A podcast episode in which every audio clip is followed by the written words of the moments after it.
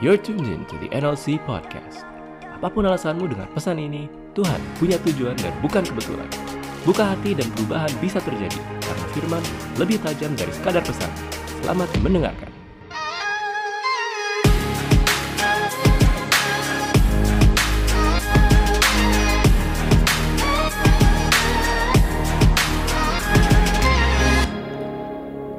Buat di bulan ini eh, temanya adalah eh, whitewash tomb atau eh, kuburan di labur putih.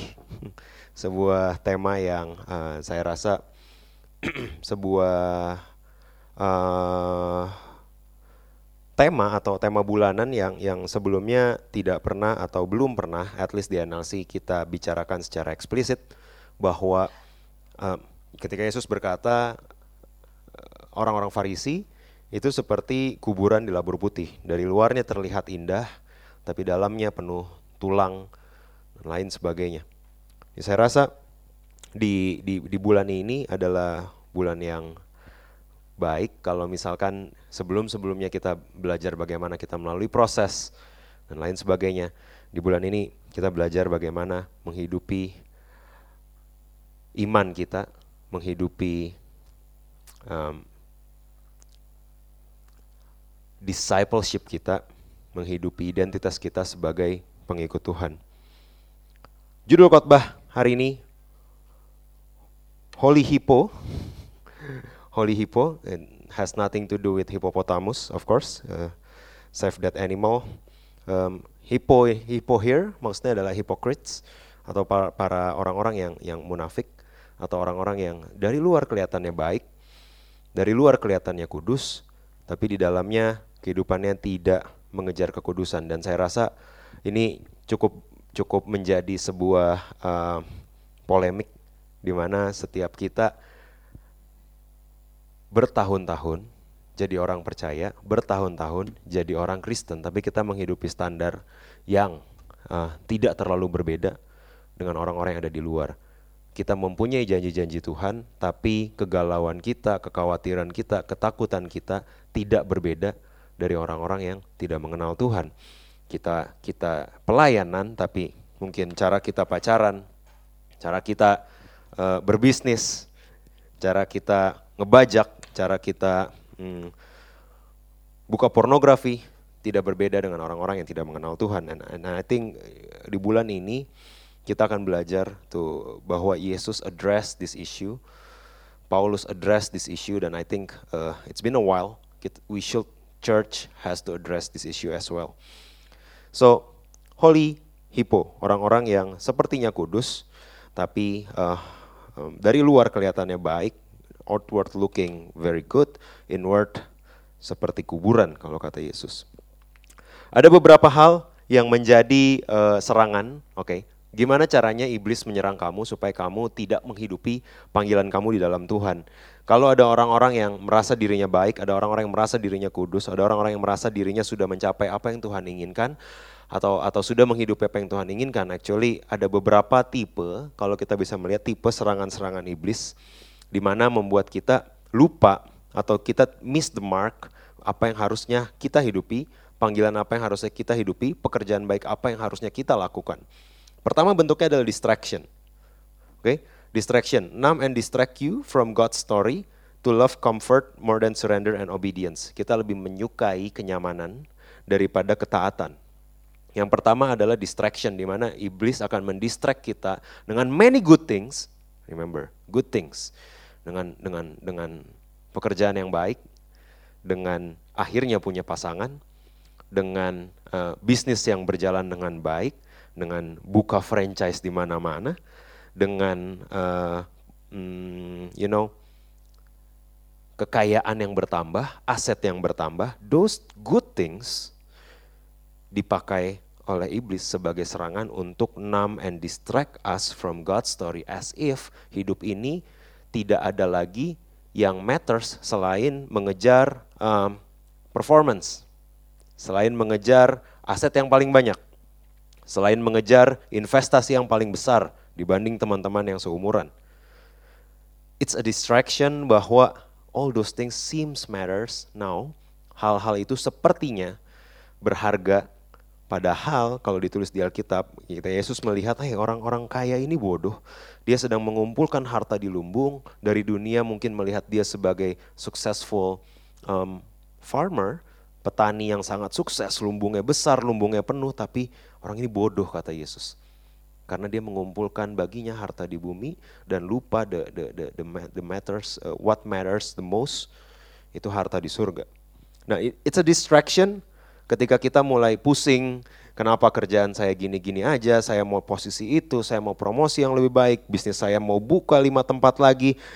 And those things distract us atau mengalihkan kita dari ceritanya Tuhan. Kita lupa bahwa kita bukan pemeran utama, bahwa Tuhan pemeran utama, dan kita supporting cast, dan kita perlu tahu plotnya Tuhan di keluarga kita apa, plotnya Tuhan di gereja kita apa, plotnya Tuhan di kantor kita apa. And we need to be part of that. This is a distraction. Kedua, doubt, ke kekhawatiran. So, cara kedua iblis uh, attack kita adalah attack our identity to make us believe that we have to prove ourselves bahwa kamu berharga kalau you can prove yourself. Kamu berharga kalau kamu sudah tidak berdosa lagi. Kamu berharga kalau kamu sudah sangat kudus. Kamu sudah kamu berharga kalau kamu sudah punya punya title tertentu.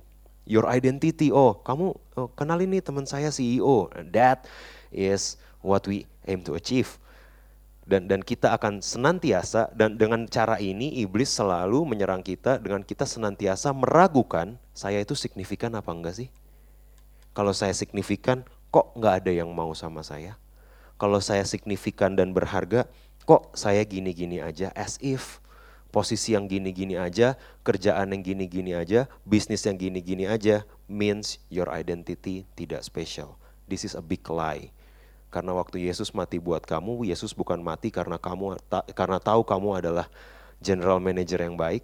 Yesus tidak mati karena dia tahu kamu CEO yang baik. No, no, no, no. It's not about performance. He loves you more than he needs you. Yesus mati karena kasihnya buat kamu dan saya, terlepas dari performance kita. So, this is the second attack yang yang iblis selalu attack ke kita, meragukan apakah saya signifikan in the kingdom of God? Saya gini-gini doang, saya bodoh, saya banyak keterbatasan dan lain sebagainya. He's attack, they are attacking our identity. Ketiga, diversion.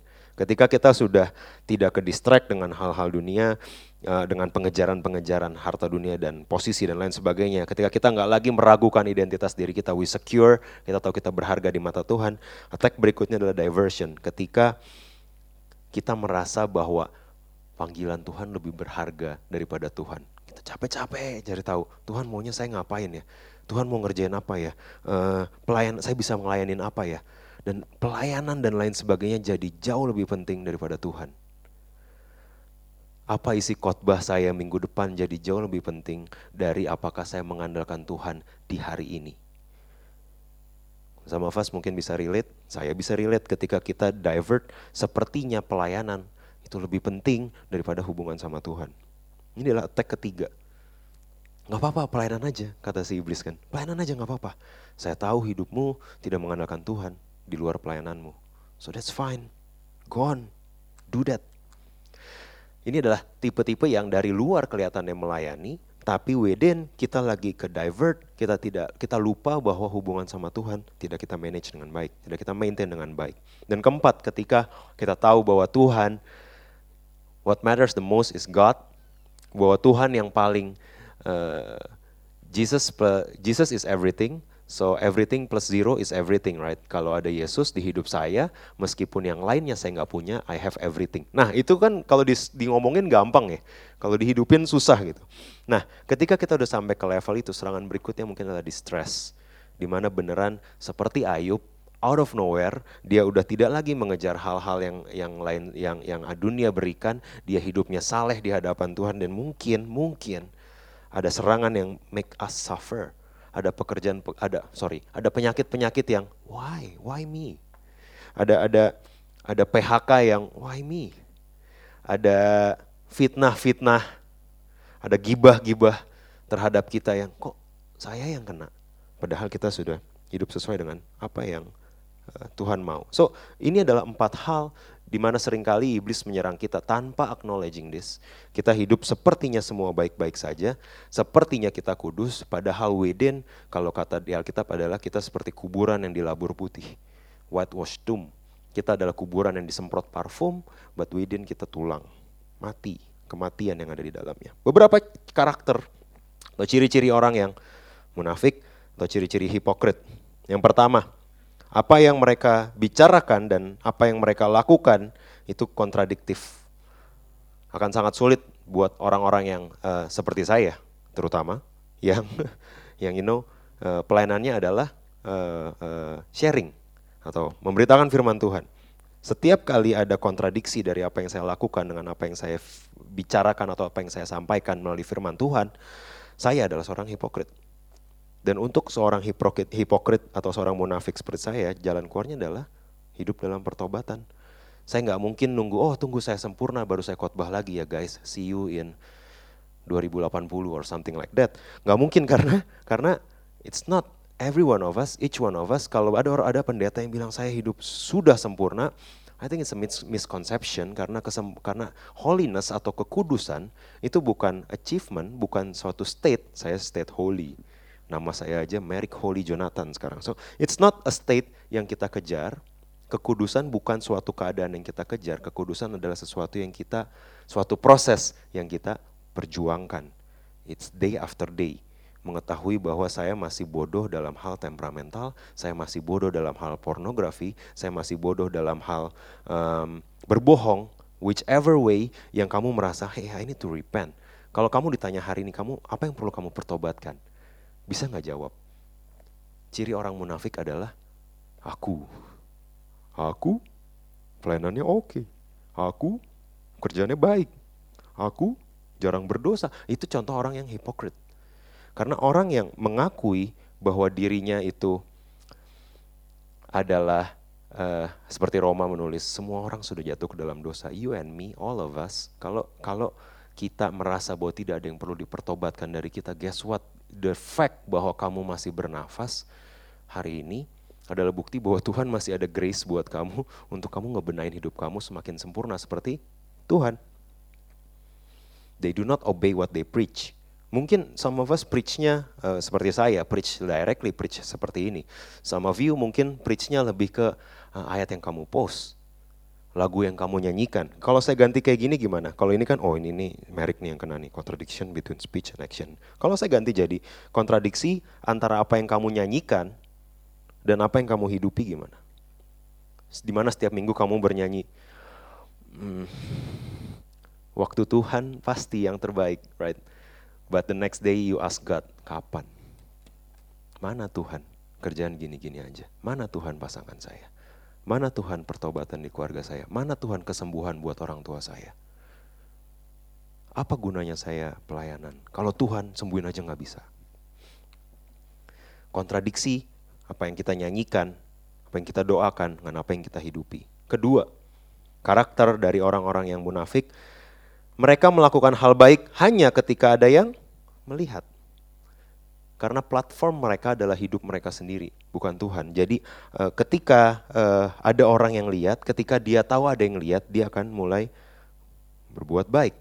Ini mulai kelihatan di awal-awal Starlight dan NLC back then ketika uh, you know dulu persembahan itu diedarkan dan ketika persembahan diedarkan katakanlah persembahan itu X benar karena orang-orang melihat right masa dikasih persembahan nggak ngemasukin. Nih pelit gitu kan. I know I remember one time saya datang ke sebuah gereja lain uh, di Jakarta Barat. Kemudian saya kayak pernah cerita waktu waktu persembahan diedarkan itu bukannya kantongnya dioper, I mean kalau kantong dioper kan bisa pura-pura ya. Ini orangnya datang terus ngasih terus lihat gitu. Jadi waktu itu Hmm, saya masih SMA, so it's a disclaimer, saya masih SMA, duit saya cuma ada dua lembar, satu dua puluh ribu, satu dua ribu. Dan karena saya tahu saya mau makan habis itu, saya kasih dua ribu dong. Saya, saya wah persembahan dua ribu. Eh hey guys, saya SMA ini jadi sekitar 2017 ya. Ini sekitar 2002 atau 2003. What? Beberapa yang dengar baru lahir. Sekitar 2003 atau 2004 saya persembahan saya masukin 2000, ada 20 ribu dan 2000 saya masukin 2000. Yang ngedarin kantong, hah 2000 kok. All the shame and guilt tumpah ke saya. Jadi kayak we do right when people are, people are looking. Nah, nah ini kan, ah iya iya si Merrick cuma ngasih 2000 pertanyaan saya. Waktu Starlight persembahan diedarkan, kita pindah ke metodenya amplop di belakang, itu mulai turun. Karena sekarang tidak semua orang melihat. Kamu memberi di NLC, kamu memberi atau tidak memberi, tidak ada yang lihat. Ah, mungkin kelihatan kamu langsung ngeloyor keluar, tapi biasanya masih kelihatan kan. Di belakang, oh ada beberapa orang yang setelah selesai ibadah, dengan setia langsung jalan ke kotak persembahan, persembahan dulu baru ngobrol dan lain sebagainya. It's a habit, it's a culture yang kita bangun. But now, PSBB, right? Kamu ke jalan dan ngambil amplop atau tidak, kamu transfer atau tidak, tidak ada yang tahu. Halo, kamu persembahan atau tidak, no one looking. Saya nggak akan buka uh, berapa persembahan selama PSBB, berapa partnership selama PSBB dibanding sebelum PSBB, but I think it's a good point untuk masing-masing kita evaluasi diri. Waktu nggak ada yang lihat, do you give? Do you? Oh tapi saya lagi, saya juga lagi kurang. Exactly karena Yesus bilang orang ini memberi dari kekurangan. If there's a best time to give, waktu kita kekurangan, kata Yesus. I don't know. Saya nggak, saya, saya nggak. Oh saya nggak lagi bilang, oh saya perlu janji iman karena NLC mau dibenahi nggak nggak. Kita we are good. But ini it's a matter of your heart. It's a matter of my heart. Ketika nggak ada yang lihat, apakah kamu masih memberikan persembahan? Apakah persepuluhan masih kamu berikan? Apakah sebagian dari dari penghasilan kamu, sekecil apa pun itu, sekurang kaya apa pun itu, kamu masih, hey, hey, saya mau, ini bukan soal NLC butuh uang ini, ini soal hati saya penuh dengan obedience. I pause there dan they do right thing only when people are looking karena mereka need to be praised atau at least need untuk maintain reputasi mereka, reputasi saya eh, ketika eh, di hidup mereka. Jadi untuk maintain reputasi, kalau ada yang lihat baru memberi. Kalau ada yang lihat baru ikut. Kalau dipaksa, eh kita mau ke panti, oh tapi itu kan uh, volunteer, saya udah kasih kok kemarin, saya nggak usah ikut lah dan lain sebagainya. Oh kalau ke kalau atau atau yang lebih, kapan nih kita ke ke panti gitu? Kapan kita udah lama banget nih nggak social activity? You know what social social activity yang menurut saya paling tidak efektif adalah ke panti setahun sekali karena di Natal dan di Paskah ratusan gereja berlomba-lomba ke panti. If if they need you, they need you today. Kalau kamu tergerak buat bantu mereka, bantu mereka hari ini tanpa perlu nunggu Natal dan Paskah kita social gathering ke panti. Gak perlu ada yang lihat, just give. Ciri ketiga dari orang munafik, severe with others, very lenient with himself. Kalau sama orang lain, strict tapi sama diri sendiri excuses berlimpah-limpah, you know. Ini ciri-ciri orang yang munafik. Jadi dia bisa membuat semua uh, kamu kamu kok nggak jujur sih, kamu kok bilangnya eh lu ngibul ya. Gue nggak ngibul. Gue cerdik seperti ular. Wow. Tiba-tiba sesuatu yang jahat ditwist sebagai sesuatu yang baik. Orang yang munafik sangat pintar mem memanipulate, mentwist hal yang buruk jadi sesuatu hal yang baik as opposed to acknowledge ya gue dosa, gue kemarin bohong. No, no, no, dia twist seolah-olah itu hal yang baik. Kamu sombong ya? Eh, gue ngelihat lu kayaknya sombong sih sekarang. Sombong, gue well cultured, well mannered, gue terdidik. Gue nggak suka sama yang barbarik kayak kayak kayak mereka mereka itu. You know? It's proud, it's a sin, it's sombong kalau lu pelit banget sih jadi orang, lu hitungan banget men. Gue udah melihat lu kayak setahun dua tahun kita di komsel yang sama, gue kayak ngelihat lu agak-agak pelit. Gue nggak pelit, gue irit, right? We, these hypocrites, you can switch, you can twist all of this uh, hal buruk seolah-olah sesuatu sesuatu yang baik. Dan sebaliknya hal yang baik di orang lain kita bisa twist jadi hal hal yang buruk. Eh dia ini banget ya, generous banget loh si si si si Budi generous banget. Ah dia mah pengen dilihat aja. Wah sih kalau orang lain yang baik kita twist seolah-olah motivasinya buruk. Tapi kalau kelakuan kita yang buruk, seolah-olah selalu ada justifikasinya dan kita tuh sebenarnya maksudnya baik. Ini ciri hipokrit, ciri orang-orang munafik yang ketiga. Saya rasa di 2 Korintus 6 ada hal menarik yang uh, kita biasanya baca dan kita ambil ini sebagai um, mm, mm, mm, kita ambil ini sebagai ayat untuk mencari pasangan, but I, I do think uh, kalau kita dig deeper, it's uh, bisa jadi untuk pasangan, tapi it's way richer than that.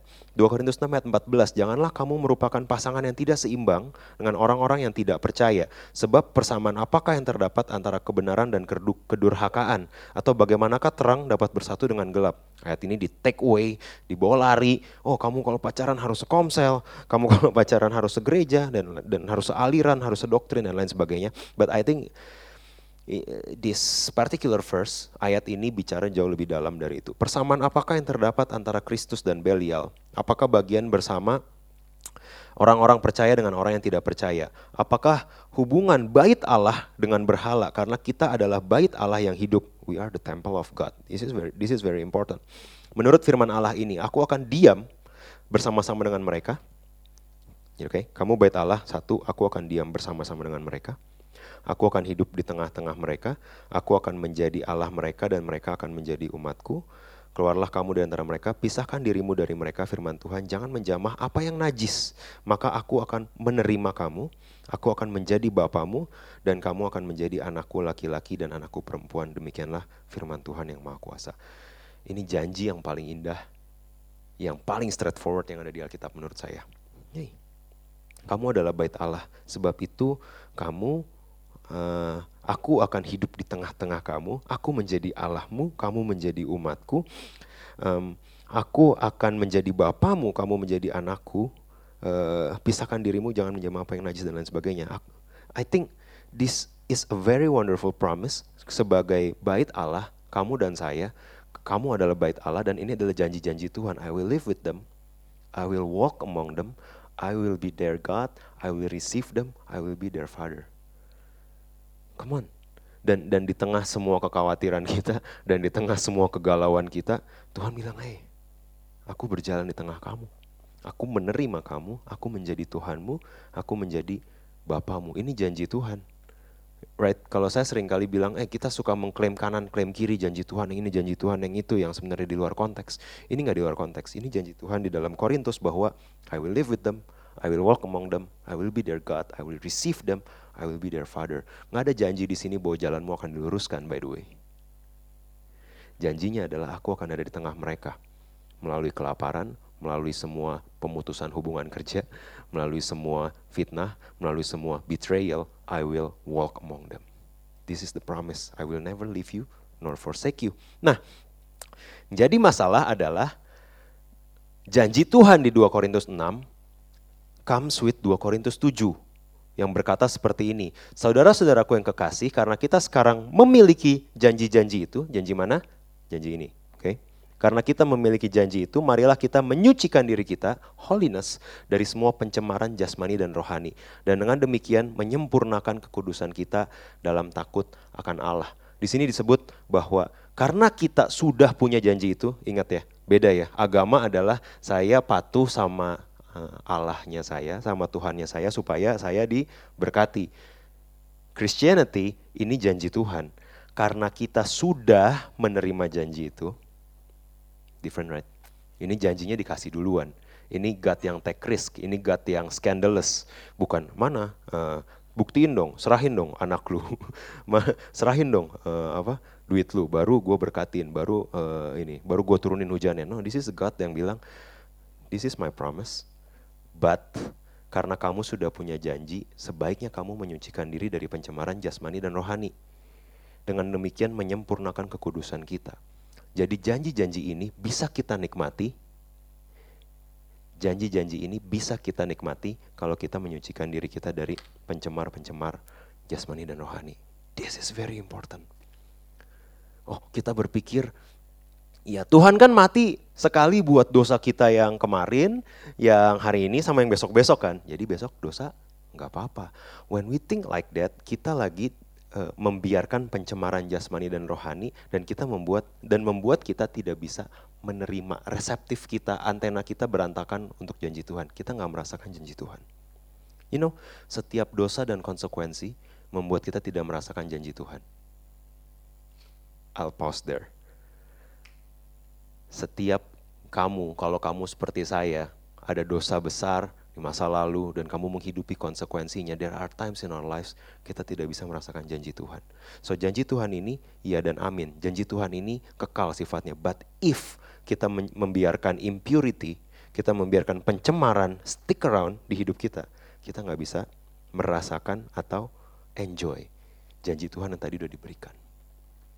Saya mau bilang kayak gini, ketika kita diselamatkan, selalu ada ini yang perlu diperbaiki ya supaya nggak ketukar-tukar. Ada justification, pembenaran, sanctification, penyucian dan glorification, penyempurnaan atau giving glory. Ya, ada ada selalu ada tiga hal ini dan kita suka ketukar-tukar. Justification, kamu selamat, kita selamat, kita menerima keselamatan itu cuma-cuma. Itu karya Roh Kudus, karya penebusan Tuhan di kayu salib. Bukan karena kamu rajin pelayanan, bukan karena kamu sekolah minggu dari kecil. Enggak, kamu dibenarkan di hadapan Tuhan karena Yesus mati buat kamu dan saya. That's it.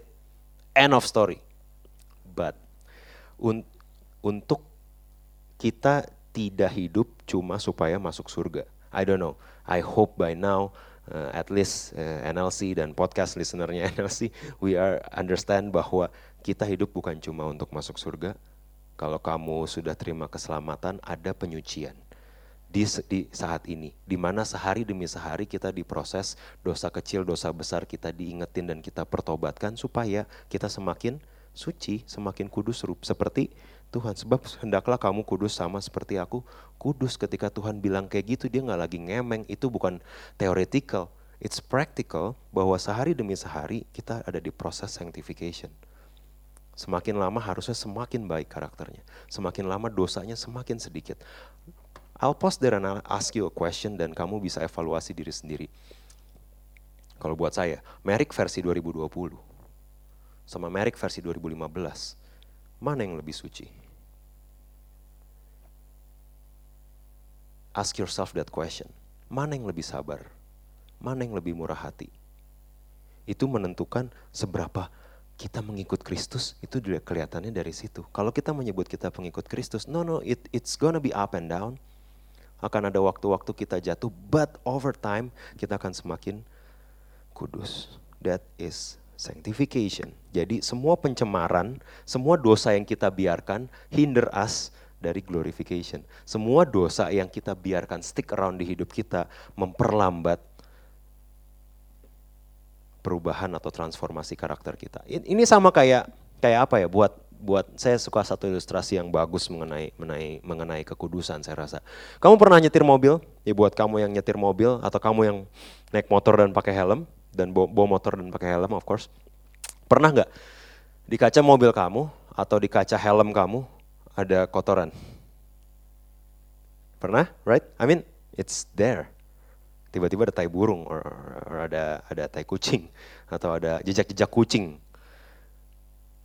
Kalau kamu kayak saya atau most of us I think, apakah kamu terganggu? Apakah kamu bisa nyetir dengan benar dan proper sampai tujuan tanpa kamu berurusan sama pengotor-pengotor kecil itu? Bisa nggak? It's gonna be freaking difficult, right? Karena setiap kamu nyetir, ini kelihatan nih di sini ya di di your periphery ini kayak ada ini apaan sih? Ngeganggu banget gitu. Kamu akan selalu ketarik ke situ. Kalau saya taruh kertas di dashboard dan lain sebagainya itu kan reflected ke kaca dan itu ngeganggu banget buat saya. Jadi itu harus dipinggirin dulu. Otherwise meskipun saya tetap masih bisa ngeliat ke depan saya akan selalu terganggu dan lebih berbahaya nyetirnya jadinya. It's the same thing. Aduh saya kecil. Semua orang juga ngelakuin.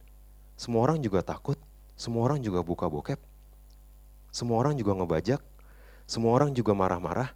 Semua orang juga nggak sabaran. Those small things hinder us greatly. This is sanctification di mana setiap hari kita perlu, oke, okay, saya tahu Tuhan mau berurusan apa dan saya udah kalah lebih dari tiga bulan. Nggak lepas-lepas. I need to do something about it. And it is difficult. It is difficult. Apalagi kalau nggak ada konsekuensinya. Nah, ya kan? Kalau sama-sama pendosa mungkin bisa relate sama saya. Mungkin kalau yang suci ya kurang ngerti. Kalau nggak ada konsekuensinya, sulit buat ngil buat ngilangin pengotor, bener gak? Karena kayak nggak kenapa-napa. Pelayanan oke-oke aja, relationship oke-oke aja, kerjaan oke. Mungkin nggak apa-apa. Yang dosa yang ini mungkin nggak apa-apa. If you can relate with me, this is the message for us bahwa kita perlu berurusan sama itu, sama pengotor-pengotor kecil itu setiap hari. Digging deeper, jangan kamu merupakan pasangan yang tidak seimbang, unequally, un, un, saya kurang tidur, unequally yoke with uh, another person. Jangan menjadi pasangan yang tidak seimbang dengan orang yang tidak percaya. Di ESV study, uh, Bible Study ditulis bahwa ayat ini sebenarnya merefer ke ayat-ayat lain di perjanjian lama. Karena di perjanjian lama ada ditulis di ulangan 22 ayat 10. Jangan engkau membajak, kamu tahu ada, you know, kalau orang ngebajak kan ada dua ya, ya kan? Dua dua kerbau kan biasanya. Jangan ngebajak satu lembu, satu keledai. Nggak bakal nggak bakal jalan. Atau kamu harus berpegang pada ketetapanku, jangan kawinkan dua jenis ternak dan jangan taburi ladangmu dengan dua jenis benih dan jangan pakai pakaian yang dibuat dari dua jenis bahan. Actually these are telling the same thing. Jangan, jangan, jangan, jangan, jangan, jangan. It's a big prohibition. Jangan hidupin hidup kita dengan dua standar berbeda. That's what I think. Di mana ada Merrick versi NLC dan ada Merrick versi sehari-hari. Kayak udah kayak Alkitab, banyak versi. Ada versi NLC, ada versi versi bahasa sehari-hari, lebih kasar dikit gitu. You know, you know, jangan hidup dengan dua standar. Kalau kita baca something, kalau kita dengar something, gimana cara mensinkronize hidup kita sama apa yang kita dengar, apa yang kita baca, itu maksudnya pakai the same standard. Pakai standar yang sama yang Tuhan punya. Jangan cuma karena nggak ada efeknya, jangan cuma karena nggak ada konsekuensinya, kita turunin standar yang Tuhan mau. Hmm, difficult. Udah lama nggak ada khotbah kayak gini di NLC, I think, and I think we need this. Jangan turunin standar Tuhan hanya karena sepertinya dunia juga udah mulai oke okay with that. Oh kita kan mau relevan dong, stay relevan with the world, kita turunin standarnya Tuhan. Careful. Jangan pakai dua standar. So I think ada satu hal menarik yang yang yang saya rasa uh, makin ke sini, oh gereja saya tahu. Uh, ini kebenaran ya. Ini prinsip yang benar bahwa gereja adalah bukan gereja bukan museum buat orang uh, suci, tapi gereja adalah rumah sakit buat orang berdosa. I agreed with that, 100% agreed bahwa gereja adalah rumah sakit buat orang-orang yang butuh Tuhan, orang-orang yang hidupnya berantakan, makin berantakan, makin perlu gereja, makin perlu dekat sama Tuhan, makin perlu pengembangan karakter, makin perlu sharpening dari teman-teman yang ada di gereja. I agreed 100% with that. But sebagai orang yang uh, kalau most of you udah di gereja tahunan, It's a different thing. Karena ada dua hal berbeda. Satu, toleransi. Kedua, kompromi. Dua hal ini berbeda. Oke. Okay? Toleransi adalah kita menerima orang lain. Orang ini berantakan kita terima. Orang ini masih suka bohong, masih suka nipu kita terima. Orang ini uh, uh, brengsek dan uh, drug drug user. Orang ini pencuri, we accept others even though mereka punya value dan prinsipal yang masih berantakan, moral kompas yang berantakan, we accept them. Toleransi, itu namanya toleransi. Kompromi adalah we approve what they do. Beda ya. So, it's it's very different menerima sama menyetujui apa yang mereka lakukan. Menerima sama kompromi apa yang mereka lakukan pendosa ya, sini duduk, gue juga pendosa, ayo kita ngobrol-ngobrol. Itu menyetujui.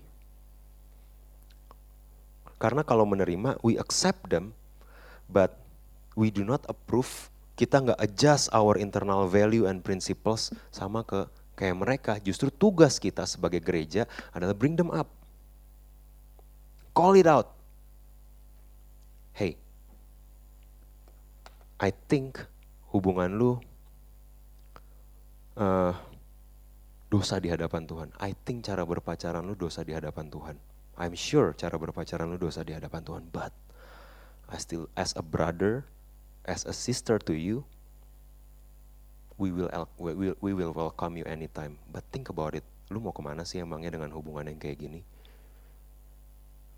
Kayaknya lu bego sih kalau lu terusin. That is love, tolerance, but not compromise. Ini hal yang kita, oh Yesus kan duduk sama pencemooh dan masa mau jadi gudang garam seneng banget kan kita main kayak gitu kan. Oh Yesus duduk sama pencemooh, sama pelacur, ngapain kayak Nelsi, kita ke Alexis, duduk sama pelacur sama seperti Yesus. No, actually toleransi Yesus tinggi, komprominya tidak. Toleransi Yesus tinggi, komprominya tidak. Makanya dia waktu nulis-nulis di tanah, ketika ada perempuan kedapatan berzina, toleransinya Yesus tinggi ketika orang-orang bilang, rajam dia, dia kedapatan berzina, tertangkap basah berzina, Yesus bilang yang nggak berdosa silakan timpuk duluan. Dan nggak ada yang nimpuk. Setelah nggak ada yang nimpuk, Yesus bilang apa? Pergi dan jangan berbuat dosa lagi. Go and sin no more. Itu tidak kompromi. Guys, saya rasa gereja zaman sekarang atau ya udahlah kalau nggak suka dibilang begitu oke. Okay. Saya mulai blur nih antara toleransi sama kompromi. I hope setiap kita bisa saling menajamkan dan menguatkan, hey ini toleransi, yang ini kompromi. Yang ini memang approve apa yang dilakukan. Yang ini toleransi, we accept as they are, but we do not approve what they do. Kita nggak adjust value dan prinsipalnya NLC hanya karena kita toleransi terhadap mereka. Oh, itu panggilan gereja. Menurut saya ini panggilan gereja yang yang sering kali mungkin kita mulai blur dan kita miss bahwa gereja itu punya panggilan untuk dipanggil keluar. You know artinya gereja itu dipanggil keluar. Kenapa kita mulai ngeblurin itu dengan bilang kita harus relevan. Eh, we need to be relevant. Don't get it wrong. Kita perlu relevan, style kita perlu relevan, but ada ada esensi yang nggak boleh kita compromise. I think that's the thing. Ada hal yang kita bilang kalau ini dosa, ini dosa guys. Kalau kita dosa, kita dosa guys. Kita perlu cari cara buat bertobat dan beresin dosa ini dari NLC. Itu yang kita lakukan di Desember kemarin.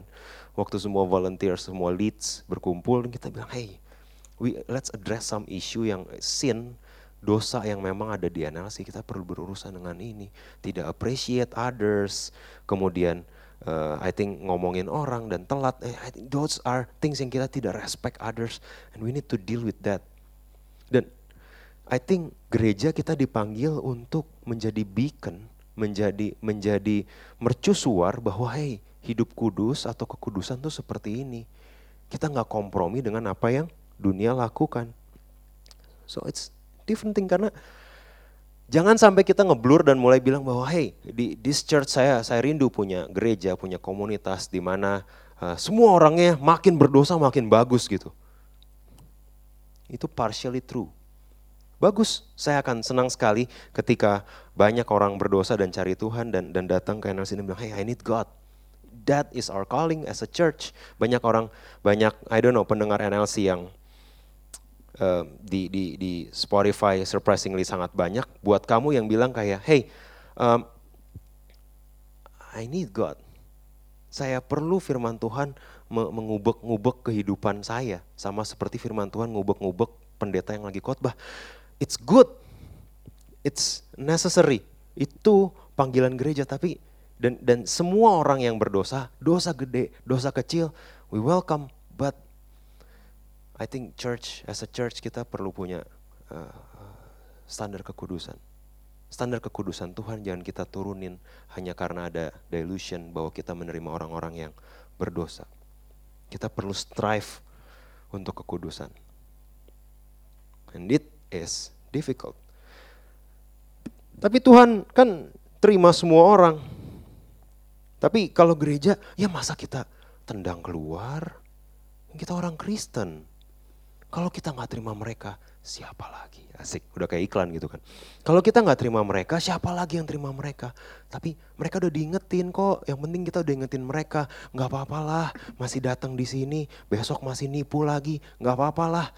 E, yang penting dia perpuluhan. Wow, wow, lebih bahaya lagi kan. Yang penting penipuannya itu di, dikasih buat uh, partnership kan kita lumayan gitu. Wow, no no no. Actually actually kita nggak ada di bisnis money laundering. Jadi jadi no, we need to call out setiap dosa. Hey, I think that's a sin and you need to repent. Itu tugas gereja. Nggak enak didengar, but exactly apa yang ditulis di 1 Korintus 5 dan dan saya ngerasa saya belum pernah atau mungkin atau dari ratusan khotbah yang saya dengar, at least kalau saya saya rasa ini pasal yang sangat menarik dan mungkin makin ke sini kita makin gak suka dengar pasal yang kayak gini. Let us go. Memang orang mendengar bahwa ada percabulan di antara kamu. Dia lagi ngomong ke jemaat di Korintus by the way. Dia bukan uh, Paulus bukan lagi nulis ke you know uh, ke you know uh, apa port uh, hey hey uh, pelabuhan gitu kan. Banyak percabulan nih, banyak rumah uh, hostess di di di di pelabuhan kamu. Enggak enggak dia lagi tulis ke jemaat di Korintus ada percabulan di antara kamu dan percabulan yang begitu rupa seperti yang tidak terdapat sekalipun di antara bangsa-bangsa yang tidak mengenal Allah. Bukankah ini lagi bicara bahwa jemaat gereja itu punya panggilan khusus. Kamu mau ajak orang gereja, ketika dia lihat kamu pacaran dia bilang, "Lu nggak ada bedanya sama gua. Lu lebih bahaya dari gua pacaran nih. Why should I go to church? You don't live what you sing. You don't live what you hear. You don't live what you preach. Why should I go to church? Hmm, I know. Tidak comfort for every one of us. Bahkan orang yang tidak mengenal Allah itu nggak ada yang hidup dengan istri ayahnya gitu. Dia hidup sama istri ayahnya gitu. Jemaat ini sangat-sangat, you know, inovatif dalam berdosa ya. Mereka hidup, mereka mereka menghampiri istri ayahnya. Sekalipun demikian kamu sombong yang saya tangkap sombong di sini artinya waktu saya gali lebih dalam sombong di sini berarti they find excuse for that. Gak apa-apa. Kan kita menerima orang apa adanya. Kamu sombong kata Paulus. Tidakkah lebih patut kamu berduka cita dan menjauhkan orang yang melakukan hal itu dari tengah-tengah kamu? Ayat ini gak pernah saya dengar atau saya baca disampaikan bahwa hey, kamu harusnya berduka cita dan menjauhkan orang yang melakukan itu dari tengah-tengah kamu. Bear with me, lanjut. Sebab aku sekalipun secara badani tidak hadir tapi secara rohani hadir. Aku sama seperti aku hadir telah menjatuhkan hukuman atas dia yang telah melakukan hal yang semacam itu. Bila mana kita berkumpul dalam roh, kamu bersama-sama dengan aku, dengan kuasa Yesus Tuhan kita, orang itu harus kita serahkan dalam nama Tuhan Yesus kepada iblis. Untung saya leader di sini. Kalau nggak saya nggak diundang lagi. Orang itu harus kita serahkan dalam nama Tuhan Yesus kepada iblis sehingga binasa tubuhnya agar rohnya diselamatkan pada hari Tuhan. Saya kasih konteks. Ayat 5 ini bukan bilang ayo kita persembahkan dia ke setan terus dibawa ke you know dibikinin eh, lingkaran pakai lilin terus dikasih pentagram terus dibunuh. Enggak enggak, diserahkan kepada iblis ini sama seperti anak bungsu. Do what you want. Diserahkan sama iblis ini artinya hey, if you want to do that, sok atuh kalau kamu nggak bisa ngelepasin itu, sok atuh. Udah dibilangin nggak mau denger, silakan. Itu dilepaskan kepada iblis loh. Maksud dilepaskan pada iblis di ayat ini adalah kayak gitu. If you want to give, if you want to keep losing your battle, sok atuh. Parah nih, khotbah macam apa ini? Exactly Paulus khotbah macam apa ini? Orang itu harus kita serahkan dalam nama Tuhan Yesus kepada iblis sehingga binasa tubuhnya agar rohnya diselamatkan pada hari Tuhan. Dia bilang kalau orang ini nggak bisa dibilangin. Let him let her live their lives. Kemegahanmu tidak baik. Tidak tahukah kamu bahwa sedikit ragi mengkamiri seluruh adonan? Again hypocrites ada di antara kamu. Kamu membiarkan ini terjadi. You do not call this out. Kamu tahu pendeta kamu nggak menghidupi apa yang dia khotbahkan. Kamu tahu worship leader kamu nggak menghidupi apa yang dia nyanyikan. And you don't call it out. Ragi ini akan mengkamiri seluruh adonan makin sepi di NLC. but but this is the truth. This is Korintus yang bilang bahwa kalau kamu membiarkan ini, kalau kamu nggak ngejagain saya, teman-teman leader di NLC, volunteers di NLC, kalau kamu nggak call out my sin and my mistakes, and if and if I don't call out your sin and your mistake, kita nggak sedang berfungsi sebagai gereja. Sedikit ragi akan mengkamiri seluruh adonan. Buanglah ragi yang lama itu supaya kamu menjadi adonan yang baru. Sebab kamu memang tidak beragi, anak domba paskah kita juga telah disembeli, yaitu Kristus. Lanjut. Karena itu marilah kita berpesta bukan dengan ragi yang lama, bukan pula dengan ragi keburukan dan kejahatan. Jangan yoke, jangan uh, dipasangkan, jangan uh, di, di uh, masang bajak, masang kuk dengan keburukan dan kejahatan. Kalau kamu jemaat di mana pun kamu berada, NLC or not, jangan mengkukkan dirimu dengan keburukan dan kejahatan. Tetapi dengan roti tidak beragi yaitu holiness and truth. Oh interesting. Makanya Yesus bilang, datanglah kepadaku yang letih lesu dan berbeban berat. Kuk yang kupasang padamu itu ringan dan bebanku enak. Put your standard sebagai orang percaya, kemurnian dan kebenaran. Yesus bilang datang kepadaku and we can do this together. Tetapi yang kutuliskan kepada kamu ialah supaya kamu jangan bergaul dengan orang yang sekalipun menyebut dirinya brother, ini again konteksnya gereja, adalah orang cabul, kikir, penyembah berhala, pemfitnah, pemabuk atau penipu. Dengan orang yang demikian jangan kamu sekali-kali makan bersama. That's interesting. Bahkan lebih jauh lagi dibilang jangan makan bersama. Ini yang menarik. Menghakimi banget. Ih dia pemfitnah, dia penyembah berhala, dia pemabuk. Udah kita nggak mau main lagi, nggak mau makan lagi sama dia. Orang gereja kok menghakimi banget, exactly. Di ayat 5, ayat 12 dibilang, dengan wewenang apakah aku menghakimi mereka yang di luar jemaat? Menghakimi orang yang nggak ke gereja, itu bukan hak kita. Kita harus toleran sama mereka. I hope you get this. Jangan menghakimi orang yang di luar gereja. Karena uh, karena uh, kita nggak punya wewenang untuk menghakimi yang di luar gereja. Bukankah kamu hanya menghakimi mereka yang di dalam jemaat? Katanya jangan menghakimi. di ayat lain, hakim yang di dalam jemaat lah. No, no, it's to function as a church. Ini bukan soal hakim menghakimi. To function as a church, call it out. Kalau kamu melihat dosa di saudara kamu, your brother, your sister, your friend, call it out. Itu fungsi kamu sebagai, fungsi saya sebagai gereja kita menghakimi mereka yang di dalam jemaat. Mereka yang berada di luar jemaat dihakimi Allah.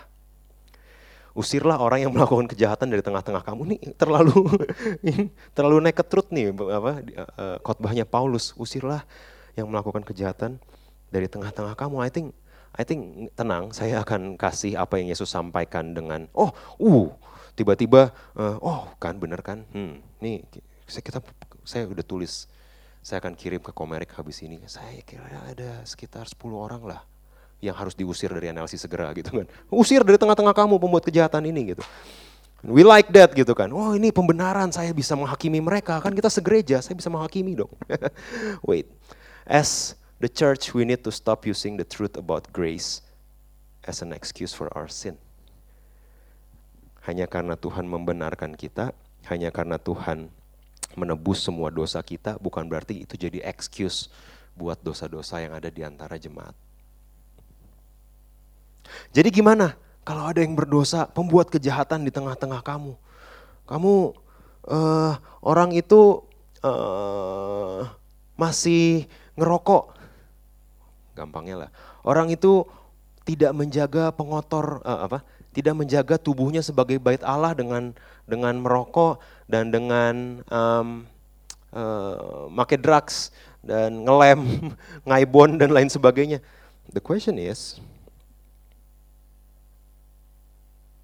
bedanya sama yang nggak jaga pola makan apa? Oh dia uh, orang uh, pasangan itu berjinah. Well, kata Yesus, kalau kamu meng, terus dia berjinah, kita harus usir dia. Kemudian kamu pulang dan kamu buka bokep. Sorry, tapi Yesus bilang kamu mengingini itu juga berzina. Jadi are we in the position gimana dong jadi kalau kita tahu ada dosa di tengah-tengah jemaat, di tengah komsel, what should we do? Interestingly, di Matius 18, Yesus menyampaikan how. Apa yang harus kita lakukan sebagai gereja? Yesus menyampaikan secara eksplisit. I think Yesus jarang praktikal. Menurut saya Yesus very very praktikal dalam menyembuhkan, tapi when it comes to teaching dia biasanya foundational atau dia berupa perumpamaan di mana ada many wisdom yang bisa digali. Yang ini very practical.